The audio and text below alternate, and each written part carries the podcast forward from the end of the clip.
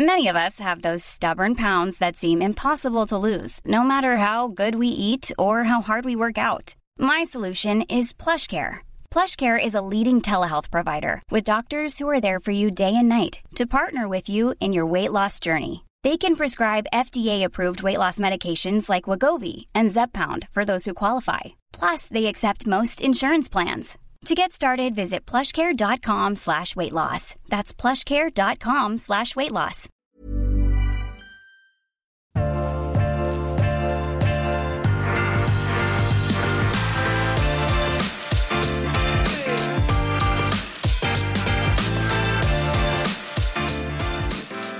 Påsken er nettopp over. Vi er begge tilbake igjen fra en påskeferie vi har trengt begge to. Eh, I studio har vi med oss Pontus, og hjertelig velkommen Pontus i studio igjen. Tusen takk. Når vi avtalte denne sendingen her, så tenkte jeg hva er det vi kan snakke med Pontus om? Og hva er det han liker å snakke om? Og du kom ganske snart tilbake. Du er bobler. Det kan vi snakke om i evighet. Er vi enige om bobler, det? bobler trenger vi. Eh, man, hva var det Churchill sa? Man trenger det i gode tider, dårlige tider, og eh, til frokost og til lunsj og til kvelds og, og alt sammen. Så bobler er noe vi kan snakke lenge om. Har du hatt en fin påske? Jeg har hatt en fin påske. Det har vært eh, Oslo-påske, Göteborg-påske. eh, stille, rolig, fint vær. Ja, akkurat det man trengte. Men Koljar Bislett har vært eh, stengt i påsken? eller? Ja, vi, vi har sånn tradisjon at vi stenger alle røde dager. Så vi hadde åpent mandag, tirsdag, onsdag forrige uke. Eh, stille og rolig. Kunne like godt ha vært stengt, men eh, det er en public service. Eh, folk trenger mat, folk trenger god vin, så da hadde vi åpent. Ja, det er godt å høre. Du, eh, når vi snakker om bobler, så er det et tema som egentlig er sånn Du blir aldri lei av å høre, du blir ikke lei av å smake. Nei. Men når man smaker det, så er det mange som går i en liten felle av og til og tenker du, jeg vil ikke legge ut så mye penger. Jeg, jeg vil ikke bruke så mye eh, tid og energi på bobler. For det at, Mm. hva er det for noe? Noen drikker Prosecco, andre liker Cava, andre liker tysk sekt. Engelsk musserende i skudd i Norge. Ja. Men vi skal snakke om champagne. Og jeg, kan jo hva legger snak du i jeg kan jo snakke om alt, uh, alt hva det gjelder Vi men vi ender jo opp samme sted likevel. Vi var som sagt i Göteborg i, i helga. Det er jo SHL ishockey-sluttspill, og da ble det en tur til, um, til Göteborg. Og kona er født og oppvekst der. Og så hadde vi booka et eh, rom på Gotia Towers som ligger rett ved Skandinavium, da, som Frølunda spiller i. Og eh, der var det bobler, velkomstbobler, eh, på, på rommet. Velkomstbobler, så tenker man ja, koselig, champagne. Det her blir jo hyggelig. Ser i isbøtta en Jeg tenker å si jævla Prosecco, men det kan jeg jo ikke si. Men en Prosecco. Ja. Og kona var jo kjapp på flasken, eh, åpner den, eh, smaker, og så, så sier hun ja, men smak da, i hvert fall. Og jeg smaker, og det smaker en sånn eh, syntetisk pære, sødme Altså sånn eh, pære i boks, husker du på Ja, ja, 80-tallet? Ja, ja, Sånn eh, i sukkerlake med eh, noen form av bobler i. Helt forferdelig. Og eh, da tenkte jeg igjen, vi snakka om det, altså Det er Ja. Det er store forskjeller på bobler. Det, det er veldig store. Jeg smakte også på fredagen, faktisk. Det var i et hyggelig lag hos eh, noen venner, eller lørdagen, faktisk. Og fikk servert som aperitiff den eh, Hva heter den? Gussborn? Ja, Gussborn. Ja. Gussborn Mm. 2018. Og vinene er jo korrekt. Mm. Eh, fine små bobler, eh, elegant osv. Men det er ikke champagne. Det blir litt grann som å Eh, for at du ikke har råd å dra til Bjerke og kjøpe deg en Patek Philippe, så drar du til Kina og kjøper en billig kopi til eh, 5000 kroner i stedet. Det er liksom bare en blek kopi av originalen. Ja, du har rett i det, Pontus, men det er på samme måte som du kan si at, eh, at en ting er i utvikling, ikke sant? så har jo champagne utviklet seg over mange hundre år. sant? Og, eh, og sånn er det kanskje også med sikkert engelsk at. Ja, men, altså vin er korrekt, som jeg sier, men uh, vi skal jo huske grunnen til at vi drikker uh, vin, så er at druen er den eneste frukten som reflekterer smak av vekststedet.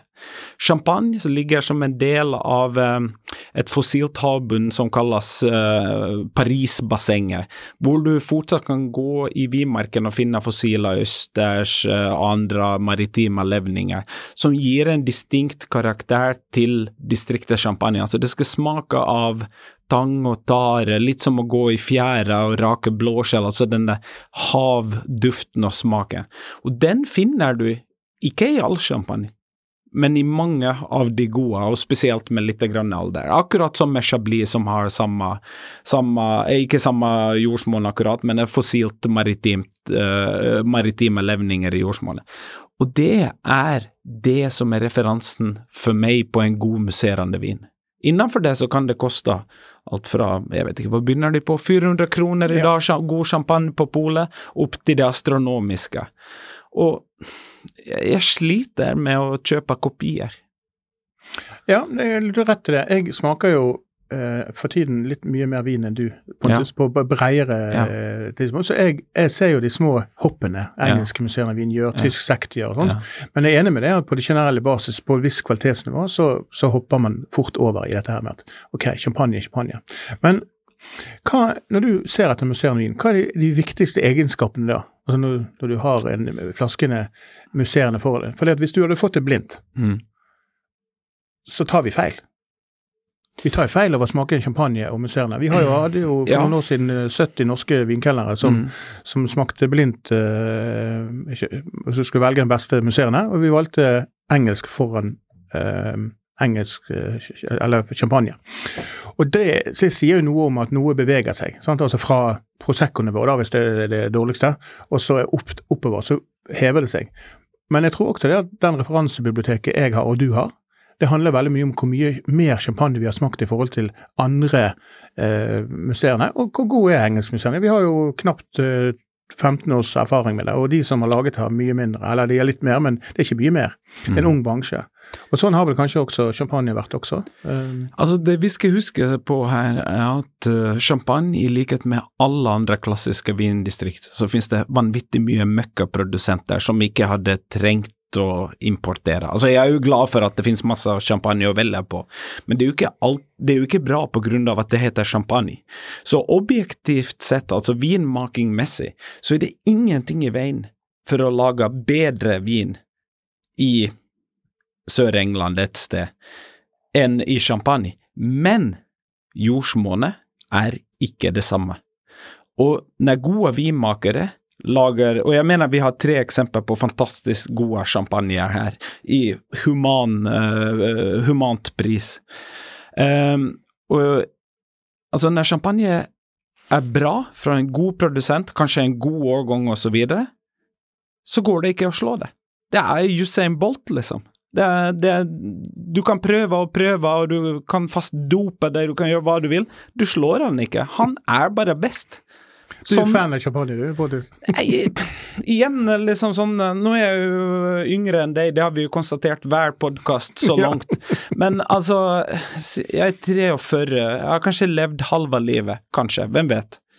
Skal jeg nå sitte de siste 40 årene mine og drikke bleike kopier, eller skal vi drikke noe som er godt. Og jeg har liksom jobba hver dag med vin og mat de siste 25 årene, eller jeg er oppvekst under eh, restaurantbordene, og har nå drukket Finne, så vi begynner jo tidlig. Ehm, den, all den kunnskapen jeg har tilnærma meg, hvorfor skal jeg eh, bare for at alle sier at det er godt og at det blir bedre, drikke noen ting som jeg syns er en blek kopi, når jeg kan drikke originalen for den samme prisen. Altså En Gussborn koster 460-70 kroner i dag. Og det, du har et viktig poeng der. Ja, og Gussborn er en objektivt bra laget vin. Det er ingenting å si på det. Men det er ikke champagne. Hva koster Guche Allemagne? Nå har vi halv flaske her i dag. Ja, det er ikke mye Samme pris? Ja, ikke, det er samme pris. og Engelskmuseene er jo relativt dyrt i Norge. Ja, det, ikke sant? Ja, så det, er der du har helt rett i det. At, men museene i Wien kan jo komme fra forskjellige steder, smakelig forskjellige, men originalen slår ingen. Det kan vi konstatere. Ja, Eller, vi kan ja si det. altså Champagne er champagne, akkurat som Chablis er Chablis, ikke sant, på grunn av jordsmonnet. Men hvordan skiller du en dårlig champagne mot en god champagne, altså på smak? Altså det er greit å si at ja, jordsmonn er viktig, altså, men hva, hva nøkkelelementet er det du liksom Når du sitter og smaker vin, la oss si du får det blindt, og så å, hva, er det, hva er det du ser etter? Nei, altså, historisk sett uh, Vi kan jo ta den champagnereisa i, i Norge, om vi sier sånn. Så. Uh, vinimporten privatisert ble privatisert i 2006. Og, nei, unnskyld, 1996. Og så ganske tidlig etter det, altså den, fram til den gangen så var det jo markedet dominert av de store aktørene, ikke sant. LVMH-gruppen, Veuve Clicquot, eh, det var Bollinger, eh, det var Moët Chandon, alle ja. de her kjente store navnene. Men ganske tidlig så begynte de her private aktørene å rote rundt i champagne og fant fram til de her små produsentene, eh, som Guy Charlemagne eller Dibot Valois. Og der hadde vi, vi har egentlig én importør eh, som kanskje ikke har den mest prominente champagneporteføljen i dag, men som var viktig sånn sent 90-tall, tidlig 2000-tall, som var Nafsta Fine Wine. Ja, men de har jo mye bra, de òg. Ja, de har en del mm. igjen, men mange av disse små aktørene så har jo bytta importør etter hvert. Men han kom jo tidlig på markedet med just produsenter som Gush Alemani, Dibot Valois, uh, hva hadde han, han godeste Hva heter han i Bossy som lager Unjour de 1911 Uh, ja, det kommer. Han hadde masse, masse, ja. masse godt. Pierre Peters hadde mm. han, og så videre. Og dette åpner opp champagne dels for oss unge vinkendlere den gangen, ikke sant, som viste noe helt annet. Det ble en trend med ekstra brutt, altså hvor det ikke er lov å tilsette sukker mer enn tre gram per liter. Og uh, jeg tror loven sier det ni gram i dag. Mm. Tidligere så var det 11,5 eller noe sånt gram per liter. Og hvorfor eh, er det da interessant at jeg nevner det? Jo, på grunn av at akkurat som om du lager en chili con carne hjemme, og så har du litt for mye spice, og i stedet for å kaste hele chili con carne, ja, du tilsetter litt sukker, så døljer sukkeret eh, spicen. Og når du har lagd, kall det medioker vin, eh, så er det lett å dølje i litt grann sukker. Og Kommersielt sett så ser vi jo liksom på de mest selgende vinene i Norge, altså bare si det er hvitviner eller uh, rødviner på bag, altså de jeg vet ikke hva de heter alt, så er det jo mange, de fleste av de, ikke alle, men de fleste som har jo tilsatt opptil seks, syv, åtte gram sukker i en rødvin eller en hvitvin, bare for at vi skal like det, det skal være lettere å like. Og det kommer jo historisk sett av at det var marginalt klima i champagne. Uh, det var vanskelig å selge, det var surt, det var lav alkohol osv. Så, videre. så man tilsatte litt sukker, og det gjorde det enklere uh, for folk å uh, konsumere. Men sukkeret døljer jo også karakteren av jordsmonnet, altså identiteten i vinet. Og der, eh, der kom, eh, syns jeg i hvert fall, at de her små produsentene, ikke bare én og to, men mange av de er små, så sammen med norske importører, så begynte å fokusere på det her med ekstra brutt, som mm. viste liksom en høy markant syrlighet som er veldig typisk for det norske markedet, med tysk Riesling i spissen, mm. og uh, fikk fram den her gode identiteten i vinen, altså karakteren av jordsmonnet. Men er det akkurat det, Pontus, du ser etter først når du eh, liksom, å, det, Hva type champagne dette er? Altså, ja. Det er mengden sukker. Nei, kanskje ikke direkte mengden sukker. Altså, jeg har ingen problem med sukker hvis det er identitet i vinen, men hvis det er sukker i vinen for å dølge dårlig håndverk ja. eller ingen identitet, da er det ikke interessant. Altså, en, en god kvalitativ vin Eh, fra gode vinmarker med godt vinmarksarbeid, så vil alltid karakteren eh, lyse igjennom. Mm. Uh, fra, eller identiteten. Og vi har med Charles Heidsek bruttreserve, mm. og den tror jeg er oppe på syv gram. Ja. For Du har tatt med tre champagner i, ja. i, dagens episode ja. her. Og uh, du, du, var jo fort å skjenke opp en lille, lille flaske, en liten halvflaske. ja, ja, en halvflaske. Perfekt til lunsj for én person. ja, det er godt, det. Vi skal drikke opp den i, i løpet av sendingen. på en måte, det skal vi greie. Men, um, men når, jeg, når, du fortalte meg hvilke viner du har lyst til med i podkasten, så tenkte jeg her er det faktisk helt, helt eh, i dagens samfunn eh, ordinære, gode produsenter Mm. som leverer god kvalitet eh, til gode priser. For det er ikke tvil om det at det er stor konkurranse i, i champagnemarkedet i Norge, sant? så Ja. det ser man. Ja. Men det som jeg og ofte får jeg spørsmål om at liksom, ja, hvordan gjenkjenner du akkurat denne her, den gode smaken? Mm. Og du nevner jo det, ok, det, du kan se litt på det kommersielle delen av at du, føler at det er et, et lag av sødme, eller Mm. frukt, fruktighet, som ligger over der, som det er pleasant to drikke. Sant? Eh, men så eh, kommer du da inn på det vi har ofte snakket om når du har vært på besøk her tidligere, Pontus. Du liker intensitet og, og, og syrlighet i viner. Mm. Og Jeg, jeg syns champagnen er god når den gjør litt vondt, hvis du skjønner. champagne er godt vondt. Ja, eh, nei, men ikke godt vondt, men, men liksom at den, den biter ifra seg på en eller annen måte, liksom. Gjerne med liksom syrligheten, at den, den snerper litt. grann. Ja. Jeg, jeg liker ikke det eh, Eller, det er feil å si at jeg ikke liker det, men uh, ta til eksempel uh, Bollinger, som er mye rundere, rikere, uh, mer opulent stil. Det, det er liksom eh, Det er ikke alltid det jeg faller for først. Men det skal jo sies, jeg har jo med en fruktdreven stil i form av Erik Rodez også, som er 100% pinot noir fra Ambonnet. og eh, Ja, i min mening kanskje en av de beste vinmakerne i hele champagne per, per dags dato. Som er den, men jeg har fortsatt den der nerven. Det der, du vet, du har lyst på en smak til, eh, du har lyst Ja. på et glass til, du har lyst på en flaske til hvis du må dele den. Eh, Nei, men det, det, det Oppsummeringen er i hvert fall det at hvis du går litt grann etter eh, dosasjenivået altså, Mm. og merkevarenavnet, Mm. så kanskje man ikke skal være så redd for å ha nye produsentnavn. Eh, dette er jo relativt velkjente produsenter. Men eh, på polet rundt omkring i Oslo spesielt, eh, og rundt omkring også i Norge, så finner man også ganske greie utvalg. Eh, Mm. Men det, vi, det er i hvert fall jeg opplever noen ganger, det er at, at små merker eh, er veldig billige. Det er veldig billig, Ja. og mm, når det er sagt, så er det jo som så at det, det finnes jo en del store produsenter. Charles Heisek produserer jo til eksempel én million flasker i året, cirka, pluss minus beroende på avgang. Og eh, Erik Rodés produserer 45 000 flasker pluss minus. Men det betyr jo ikke at eh, Charles Isaac er semre bare for at det er større. Det finnes jo mange store produsenter som lager fantastisk vin i dag, som til eksempel eh, Heidsek da, eller uh, Dutch, en annen favoritt Døds er også veldig bra.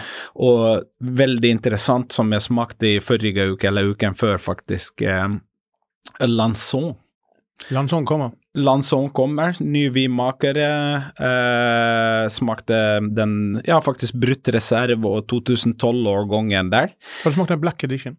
Ja, jeg smakte den, men jeg syns uh, den brutte Brutt eh, reserve og um, uh, 2012 Jeg smakte den eh, Blanc de Blanc 2004 og så videre, men spesielt den 2012 er en killer, altså. Ja. Det er uh, Og det, det, der når du smaker det, hvis du får det blindt, så er det ingenting som sier at å, det her er en stor produsent, eller kall det en kommersiell produsent. Og Lanson er jo kanskje ikke det mest sexy navnet, liksom, som du tenker på sånn, å, det her må vi ha.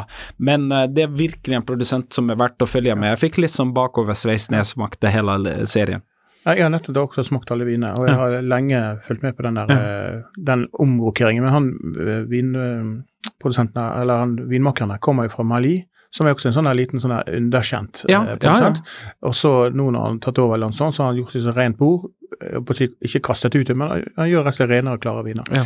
Men du ser det også på prisene. Du ser på hele oppsettet, og sånn skjer det også med. Men hvis vi tar for oss den første lille halvflasken vi har, det er så sjelden jeg har halvflaske i studio at eh, det er nesten en begivenhet her i seg sjøl. Men dette her er jo, hva skal jeg si, dette her er jo folkesjampanje. Altså hvis du sier over tid, så har han vært lenge i Norge, har Ja. kallenavn eh, Kjell Magne på polet. Kjell Magne, ja. Kjell Magne. Kjell Magne. Og denne har jo solgt godt i mange år. Ja. Men hva, har skjedd med denne produsenten? Nei, altså, for meg så var det Guy Charlemagne og som nevnt tidligere, Dibo Valois, som kanskje var de her første små eh, grower-champagnene som virkelig åpna øynene for meg. Eh, som var en av de første produsentene jeg besøkte for over 20 år siden også. Og eh, de har jo blitt større, de har hatt en enorm suksess. I mange herrens år så var det vel mest solgte sjampanjen i Norge. Eh, og da blir det fort sånn at du eh, si, blir litt metta. Eh, spesielt vi som jobber med det, så er hele tida på jakt etter det neste å skrive om eller å, smake og lufte fram og det, det så videre. Og så i det siste jeg, Det gikk sikkert ti år mellom jeg smakte liksom den standard Cuvin Blanc de Blanc non-vintage, til jeg smakte den igjen for et år siden, og så har jeg kjøpt litt. Grann. Jeg syns det er en fantastisk eh, god vin, value for money. Altså, det er Blanc de Blanc, så det er kun chardonnay-druene. Uh, de holder til i Lemenil Surager. Uh, Nå skal jeg ikke si at dette er en ren uh, Lemenil Surager, for det er det ikke, men det kommer, druene kommer fra nærliggende landsbyer i, i Cote Blanc. det som er interessant med en halv flaske, så er jo at uh, på grunn av at liten størrelse, så modner den jo fortere. Og denne smaker ganske modent. Mm. Ganske, for meg så har han en sånn, sånn grønt eple, men akkurat som det er litt oksidert, men så har han sånn ganske skarp syre. Altså, I hvert fall nå. Ja, eh, men, men, du får men det er litt, mye ja. vinsmak. Ja, du får den brioche-karakteren, altså nystekt mm. brioche. Jeg antar jo at alle steker nystekt brioche på søndag morgen ikke sant, og spiser med engelsk ja, marmelade.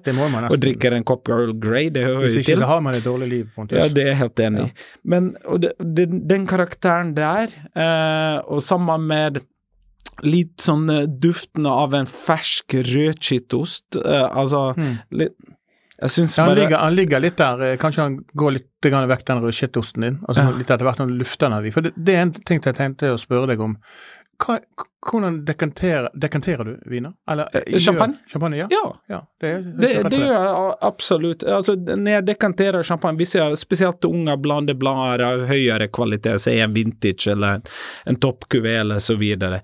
Eh, det som er viktig å tenke på også, er jo å ha den eh, godt avkjølt, så at den ikke bruser så mye. Du roer ned boblene litt, grann, og så jeg kan jo prøve å illustrere det. Jeg kan ta neste vin, mm. faktisk. Mm. Men før du tar neste vin, så skal ja. vi ta oss en tur, kort tur til reklamepausen, Pontus. Nå igjen? ja, vi må ha på right. reklame for å drifte en podkast som dette her, med de vinutgiftene vi har. Selv om de ikke er så dyre i dag. Men vi er tilbake hvert øyeblikk, og da kommer Pontus med litt snakk om champagne som da blir kalt Champagne-Charlie. Eh, og også en, en, av kanskje vår felles eh, yndlingsprodusent Erik Rodes, som er en fantastisk eh, champagne lite av akkurat nå i Norge, men kommer igjen på lager i rundt 17. mai, tenker vi. Bør i hvert fall komme til da. Men vi er straks tilbake. Et av merkene Temtec nå fører, er franske La Sommelier. I denne serien finner du blant annet vinskapet E-Celler, som er det første smarttilkoblede vinskapet tilgjengelig på markedet. E-Celler er et praktfullt resultat av flere års utvikling mot perfeksjonisme. Estetisk tiltalende design med vakre finisher, det nyeste innen kjøleteknologi og nøyaktighet i hver minste detalj. Organiser vinsamlingen din i det smarte hyllesystemet utviklet for å romme et stort antall flaskeformater, opptil 9,5 cm i diameter. Bordeaux-flaskeformatet er ikke lenger normen, og med e-celler kan du lagre alle favorittflaskene dine uten unntak. Ved å koble vinskapet til mobilen din, registrerer skapet automatisk at du legger inn og fjerner vinflaskene dine, og oppdaterer det i en tilhørende app. Dette fantastiske vinskapet kjøper du på temtech.no. Og inn fra reklamen er vi tilbake igjen, og vi er i champagneverden her i ukens uh, Vintipspodkasten. Med oss i studio har dere hørt Pontus Dahlstrøm, mannen som var med å starte Maemo, en av de mest kjente restauratørene i, Norge. Ivrig hockeypappa. Eh, livlig i sine meninger, men ikke minst en god vinsmaker. Og Det er alltid en glede å ha deg på besøk, Pontus, men nå skal vi snakke om vin som satte USA på hodet i sin tid. Men et vinmerke som har på en måte vært litt gjemt, bygget godt opp eh, blant kondisørene i Norge. restatørene Restauratørene liker han, og ikke minst det norske folk liker han. Men fortell meg, hva er Charles Heincheck eh, for deg? Uh, Charles Heidsek er på entry level-nivå, altså en straight brutt reserv, alltid et trygt valg. Uansett hvor du kommer, de er vel representert rundt om i verden. Om du så er på cruise i Middelhavet eller på høyfjellshotell eller i en liten landsbygd i Frankrike, så er det ofte du kommer over en flaske med Charles Heidsek på et vinkart. Det kan være mange eh, navn du aldri har hørt om, små produsenter, du syns kanskje at det er skummelt. Men det går liksom aldri feil med en Charles Highsec, syns jeg. Og uansett kvalitet, alt fra eh, enkel brutt reserv eller enkel og enkel, det er feil å si enkel. Det, det er en ganske stor vin uh, til å være en uh, innstegskvalitet, om vi sier sånn så. Og til de store uh, Kuvet Charlie, mm. uh, som er prestisjekuveen fra flotte årganger. Det går liksom aldri feil. Jeg, jeg, kan, jeg, har hatt noen korka flasker opp igjennom, men jeg har aldri vært skuffa. Og det er, sånt, det er en sånn trygghetsprodusent for meg. Og jeg kjøper Charles Heidsek, titt som tett. Mm. Og syns det er en magisk vin. Ja. Her har vi jo en vin som er mye rikere, større dybde, eh, mer kompleks enn eh, Gyrshalemann. Den er Uten å være negativt ment, så er Gush Alemann blant det blant kanskje litt mer endimensjonal. Det er lettere å fange opp aromene i. Her har vi altså eh, Er det vin fra er det 60 forskjellige plotter rundt om i Grand Cru-vinmarker. Det er 40% Pinot Noir, 40 Chardonnay og 20% Pinot Meunier. Eh, lagra en liten del er det 5-10-15% som er lagra på gamle eikefat, som gir en større kompleksitet. Fire år på bunnfall før den lanseres, og eh, nå er det vel 2017-årgangen som er base, tror jeg, på det. Jeg, sy jeg syns bare det, det, er, det er en vanvittig god champagne. Ja, når jeg sitter og smaker på noe, så er det sånn at du, du har rett i det du sier, uh, at dette her er noe, det er et trygt valg. Det har, mm. Men det har blitt det. Ja. Jeg husker første gang jeg smakte det, og da var, var uh, det ble litt stemoderlig behandlet, og, uh, men så har de, de også skiftet vinmaker. og de har gjort store grep på designmessig, men ikke minst så har de gjort vin veldig tilgjengelig. Og dette her må være en av de beste kjøpene på polet på champagne i den kategorien. I bryst, Husker du hva den koster? Ja, det må vi sjekke litt opp i. 500 ja, Rundt 500 kroner. Um, det som er interessant å smake på det her, da Jeg nevnte det med nerve og liksom det der uh, identiteten. Her er det 9 gram sukker per liter. Hmm. Men du merker det ikke. Det smaker av jordsmonnet, altså det er salte, tang og tare. Litt som Jeg vet ikke hvor mange som gjør det, men når du ser en stein som du ikke helt vet hva er, så sleiker du på den, så får du en sånn Det er ikke alle som gjør det. Nei, altså fleste har slutta å spise grus når de ble ett og et halvt to år, men jeg har tendensen til å gjøre det innimellom fortsatt. Ja. Altså når du går i Chablis, for å skjønne Chablis, så må du liksom ta en, en stein og sleiker på den, så kjenner du hva en chablis skal smake. Og Det syns jeg du, du, får her også. Altså, det smaker klart og tydelig champagne, til tross for at det er ni gram sukker per liter. Ja. Og det er jo denne her En vanlig ordinær flaske koster 530 eh, kroner, og det mm. er mm. velinvesterte penger. Men jeg skal si en liten hemmelighet. For det at på polet så har de, eh, og, mm, har de noen litt større flasker. De har 1,5 liter og 3 liter ja. av denne vinen her. Og dette her er noe jeg ville puttet i her kjellerne, for dette er lagringsdyktig. Uten tvil. Du må ikke, må ikke legge skjul på det. Nei, nei, nei, nei. altså alle sånne standard-kuvé fra gode produsenter, som de som er representert her. Så altså, ikke vær redd for å kjøpe en kasse eller noen flasker og legge i kjelleren, og så kjøper du nye, og så begynner du å drikke av lasset litt etter hvert. Skriv datoene på. Mange av disse har faktisk QR-koder nå hvor du kan gå inn og sjekke QR-koden og få mer info med baseårganger ja. osv. Altså, denne vil utvikle seg positivt, i hvert fall i fem år. Um, Men du nevner å, å, skrive ned datoen når du kjøpte flasken, altså som en etikett ja, på, eller? Ja, bare ha sett på altså, I gamle dager, så når jeg stabla i kjelleren, så skrev jeg ofte på sånn eh, liksom eh, året jeg hadde kjøpt de. Eh, ah. Så si at jeg kjøper noe, så skriver jeg bare 23. Og så har jeg nå 22, nå 21, 20 Ja, for det er jo, det er jo noen vintage. Det er ikke ofte du kan vintage. se det. Ja. Nei, nei, så du bare merker det. Sånn liten, uh, liten merkelapp. Eller, ja. ja. Men uh, mange av disse Jeg har ikke sjekket uh, denne nå, men på mange av de her så står det jo faktisk mer info enn hva det gjorde før. Og nå når jeg går litt i sømmene her, så ser jeg faktisk at den her er satt i kjelleren i 2018. Så det vil jo si at det er 2017-årgangen ikke sant, som er blenda sammen og vinifisert og så satt i kjelleren på andregangsgjæring i Ja. 18. Og det, det går skjert, altså tilsatt sukker og tatt fra bunnfallet i 2022, så fire år på bunnfall. Så akkurat på, på eh, Charles Heitzek så har du litt grann bakgrunnsinfo, men uh, før så var det jo ikke strekkoder engang, altså når kom strekkodene i 2006, tror jeg, 1. januar 2006. Vet du at de skal eh, stoppe med strekkode nå? Ja, jeg leste noen ting at eh, QR kun, eller Ja, det kommer fra 2027, så eh, begynner man da. Det er altfor med- med- avansert for ja. meg, det der. Men, det, men det er nøkkel til all, all salg i fremtiden. Det vil ligge i, også i hvordan man håndterer data rundt det. Så da er det Ja, mye sant. enklere. Men, men eh, for meg som er sånn eh, som knapt klarer å eh, laste inn mail på telefon, så bare skriv med en hvit tusj på bunnen. Ja, kjøp, kjøp den i Veldig godt tips. 22 eller 23, Ja. og så kan du prøve å lagre litt. Ja. Den trenger jeg ikke så lenge. Tre, for du må ikke ha en årgangssjampanje for å lagre. Du kan lagre ordinær? Nei, tvert imot. Altså, det, ja. Dette lagrer kjempebra. Og jeg er 100 sikker at uh, legger du en sånn som Charles Heitzek ned i kjelleren eh, eller i et vinskap i fem år, så vil du få en større vinopplevelse enn når den er helt fersk.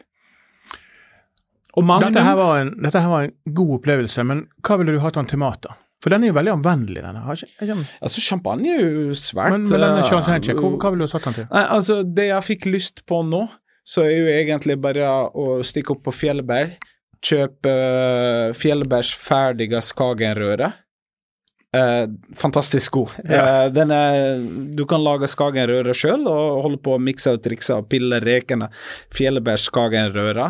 Det er verdt I å I Bygdøy. Det er verdt å parkere på gata og ta den boten på 660 kroner og stå Så du har fått den noen ganger? Ja, jeg har fått den noen ganger og stå i kø Til, der. eh, til ivrige lyttere så har eh, Pontus eh, blitt gjort kjent i, eh, i Bygdøy. For det at, eh, du har jo fortsatt denne landroveren, eller Mm. ikke sant? Så du har jo fått denne 40-årskrisen din, lampet deg inn i en stor sånn der eh, Hva heter det? En terrenggående eh, Ja, ja, tøff- Defender. Ja, Defender. Ja. Og eh, Han er et syn for guder når han kjører rundt i Oslo, for han kommer frem overalt og trekker og hjelper trikker og det som skal til hvis noe skulle skje. Men på Fjellberg der får du eh, god mat, og det hører jeg flere som sier det er verdt, den boten. Ja, det er verdt boten når det er lange køer før pinsehelger og påske og, og så videre. Og eh, det andre jeg skulle si også, altså kanskje verdens beste rett, så er jo eh, gratinert sjøkreps. Altså laget urtesmør, levende sjøkreps, bare kniv en del i to. Inn under grill i ovn eller salamander eller hva, hva du ønsker å varmebehandle de. Og bare så at de får litt temperatur, smøret smelter, sjøkreps, dette, spis med fingrene. Altså, Ja, ja, og du må ha nok sjøkreps. nok sjøkreps. Nok sjøkreps. Så Men- enkelt kan det være. Men eh, som den siste vinen har du tatt med eh, en produsent som i sin tid, hvis jeg husker riktig, var eh, borgermester. Eh, ikke sant? Ja, ikke? det Jo. stemmer. Erik Rodés var borgermester i eh, bygda, eller jo, det er en bygd, det må vi jo kunne si, Amboné, eh, fram til eh, 2018, hvis jeg husker riktig. Det er jo som så, altså, i dagens lege med, med alt jeg holder på med restaurant og så videre, så jeg, jeg leser jo ikke like mye. Eh, som jeg gjorde før. Ikke av dere journalister, ikke om produsentprofiler videre. Jeg prøver å følge med, men eh, jeg tror jeg har det riktig med at uh, fram til 2018. Og han, Erik Rodes kom jo på norske markedet for kanskje 15 år siden. Og så av en eller annen grunn eh, så syns jeg at han er litt grann en sånn sleeper. Jeg vet at eh, det er folk som kjenner til det, altså hans uh, prestisjekuvé som er i markedet, eller prestisjekuvé men toppkuvé som heter uh, Grand Vintage, blant annet, og så det, denne Blade Noiren. Eh, men jeg ser det ikke så ofte på vinkart. Uh, jeg hører ikke så ofte noen som sier 'off, jeg drakk en Erik Rodés i helga'. Den var helt mind-blowing. Han går og- litt under radaren. Han går litt under radaren, og dette er jo Erik Rodés, uh, hvis jeg husker riktig, så er jo gamla uh, jobber for Krug, uh, vinmaker, eller ansvarlig for gamle Grand Cuvée. Um, skal vi bare si at uh, Eller jeg kan si det, jeg kan si hva jeg vil, ja. Erik Rodés, det er ingen som lager ren, bedre ren uh, Blade Noir enn han. Jeg syns det er helt, helt smashing. Og nå har jeg jo skutt meg sjøl i leggen, da. Eh, for nå vet alle at Erik Rodese er helt smashing. Det koster jo litt mer, da. Her er vi oppe på noen og 700 kroner, eh, og det er garantert verdt det. Um, for det, Dette er ikke bare verdt det på, på smak, men på, på konsentrasjon, på denne utviklingen. Ja, renhet. Altså, renhet. Altså, det, dette, men, men, igjen så kommer vi tilbake til dette med den som Kristoffer Ager fra Renå sier så fint, den elektrisiteten i syrligheten. Denne nerven som finnes. Og nå eh, har vi hatt dette her i, i relativt store glass. Eh, og jeg nevner det igjen da, det å ha en eh, god eh, god årgangssjampanje eh, eller en, en, ordinær sjampanje i større glass gir en litt større opplevelse eh, de fleste ganger. Men hvis man snur på det, Pontus, når er det du serverer champagnen i små glass? I mindre glass? Det, sånn det, er svært sjelden. Jeg har, jeg har, et nytt favoritt uh, uh, faktisk. Og det er uh, hva, hva, heter det Rida-glasset, vet du, som har de her rillene? Ve, velos... Velocé, ja, ja. Ja, heter ja, det det? Ja. Og Syrah-glasset der. Jeg har det på jobben. Ja. Så Syrah er jo Det minner litt om dette glasset, ja. men det går buer litt, litt, ja. buer litt mer inn og litt større i volum. Og som et sånn all around champagneglass syns jeg det er helt fantastisk. Ja. Så det du beskriver for lyttere som ikke kan se på videoen uh, på, på kapital.no, så er jo det et glass som på en måte er en litt innsnevret Riesling-glass i den samme størrelse. Har sånn, litt sånn runde former, men ikke så bollete som et Pinot glass Ja, altså, jeg får jo sånne hangups, og det går jo trender i vin, og de, det er jo konstant utvikling med, med, vinglass også, med de to mest kjente i Norge er jo selvfølgelig Riedel og, og, Salto har blitt de siste åra.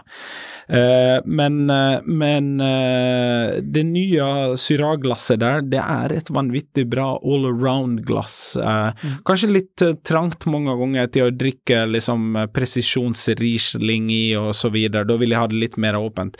Men champagne, juicy, letta rødviner og så nye eh, Ridas eh, Nebbiolo Pinot-glass er også helt uh, magic, som jeg syns slår Salto per dags dato. Så din oppfordring er egentlig å prøve champagne, gjerne det samme, i mange forskjellige glass, gjerne samtidig. Og så ja. bare liksom, ikke være så låst, gjerne. Du får hangup, sier du. Ja, det... altså, jeg, jeg, jeg, får jo sånn Jeg, jeg jobber jo med det her hele tida, og jeg prøver jo å gjøre opplevelsen bedre for, for gjestene på Kolonialen, og jeg har hyggelige lag også. Og det å bruke glass riktig, eh, så viser jo også vinen på sitt beste. Det er ikke uvanlig at jeg krangler med meg sjøl og prøver i tre forskjellige glass foran gjesten før jeg er fornøyd. Og hvis de ikke har kunnskap om eh, vin eller uh, hvordan man bruker vinglass, så tenker du at han stakkaren trenger uh, hjelp. Uh, men uh, det, det, rører meg ikke noe, for uh, jeg, jeg syns at hvis du bruker store summer på, på, vin, så bør du ha riktig glass også. Og det er jo ikke alltid sånn så at det dyreste og flotteste glasset fra den beste produsenten i, i gåseørene er det beste, utan det er jo faktisk som så. Jeg har hatt store vinopplevelser med det her runde Ikea-bollen. Altså det er kjempetykt og så videre, men uh, drukket Du må komme i bedre selskap. Uh, ja, men jeg har det hjemme. Jeg har det, altså det koster 19 kroner, eller gjorde det. Jo, det er litt lave, ja. Stemmer. Ja, litt, litt lave. Ja, jeg har en fantastisk uh, klokke, ja. og jeg har drukket store, store røde burgunder fra der, som faktisk da smaker mye bedre og dufter mye bedre i det glasset enn i et saltoglass plast i Hva koster det nå? 600 ja, kroner? Ja, ikke sant? Så, så, det er ikke alltid det at du må ha de flotte produsentene og så videre. Men litt bredde på det, litt grann høyde, og ha litt fokus prøv, på det. det prøv forskjellige glass. Men du, um, den store snakkisen i, i, i lengre tid sist, sist, gang vi møttes her, var jo lanseringen av, av, av, av P. Larsen. Og eh, i uh, neste episode så skal vi, eh, som eh, som er i første, kanskje den første. Vi får flasken helt fersk eh, inn i studio. Mm. Og eh, selv ikke du har smakt vin du sjøl har blendet. Og jeg vet at du er veldig, veldig eh, nervøs for flasken kommer. Eller jeg er skitnervøs. Ja. Jeg er skitnervøs. Men vi skal ta oss og runde av denne episoden med å eh, tenke oss at eh, eh, bobler, ja, gå for champagne. prøv å drikke mange forskjellige typer champagne. Og eh, ta turen innom eh, Pontus på Kolonial. Eh, det er åpent alle hvite dager, ikke på røde dager. Nei, da er Og det holiday. eh, for dere som har hørt helt fra begynnelsen, så drakk aldri eh, Pontus denne Proseccoen på Jeg smakte. Du smakte? Jeg smakte, Ja. ja ja. Og nå trenger jeg ikke å smake igjen. Ja. Men ble det en champagne på rommet? Eh, nei, Nei. Uh, vi uh, gikk Vi gikk på en lokal bistro, en av de få som var åpna i påska i Göteborg, og drakk en Etna Rosso. Ja, det er god. Som er et vindistrikt som er verdt å få Verdt å med få med seg på, på rødvin, i hvert fall. Kanskje hvitvin også. Igjen, Pontus, alltid hyggelig å ha deg på besøk. Jeg gleder meg til å høre det nye tilskuddet i eh, Pelasen-sortimentet, og det blir en opplevelse. Eh, hjertelig velkommen igjen. Tusen takk.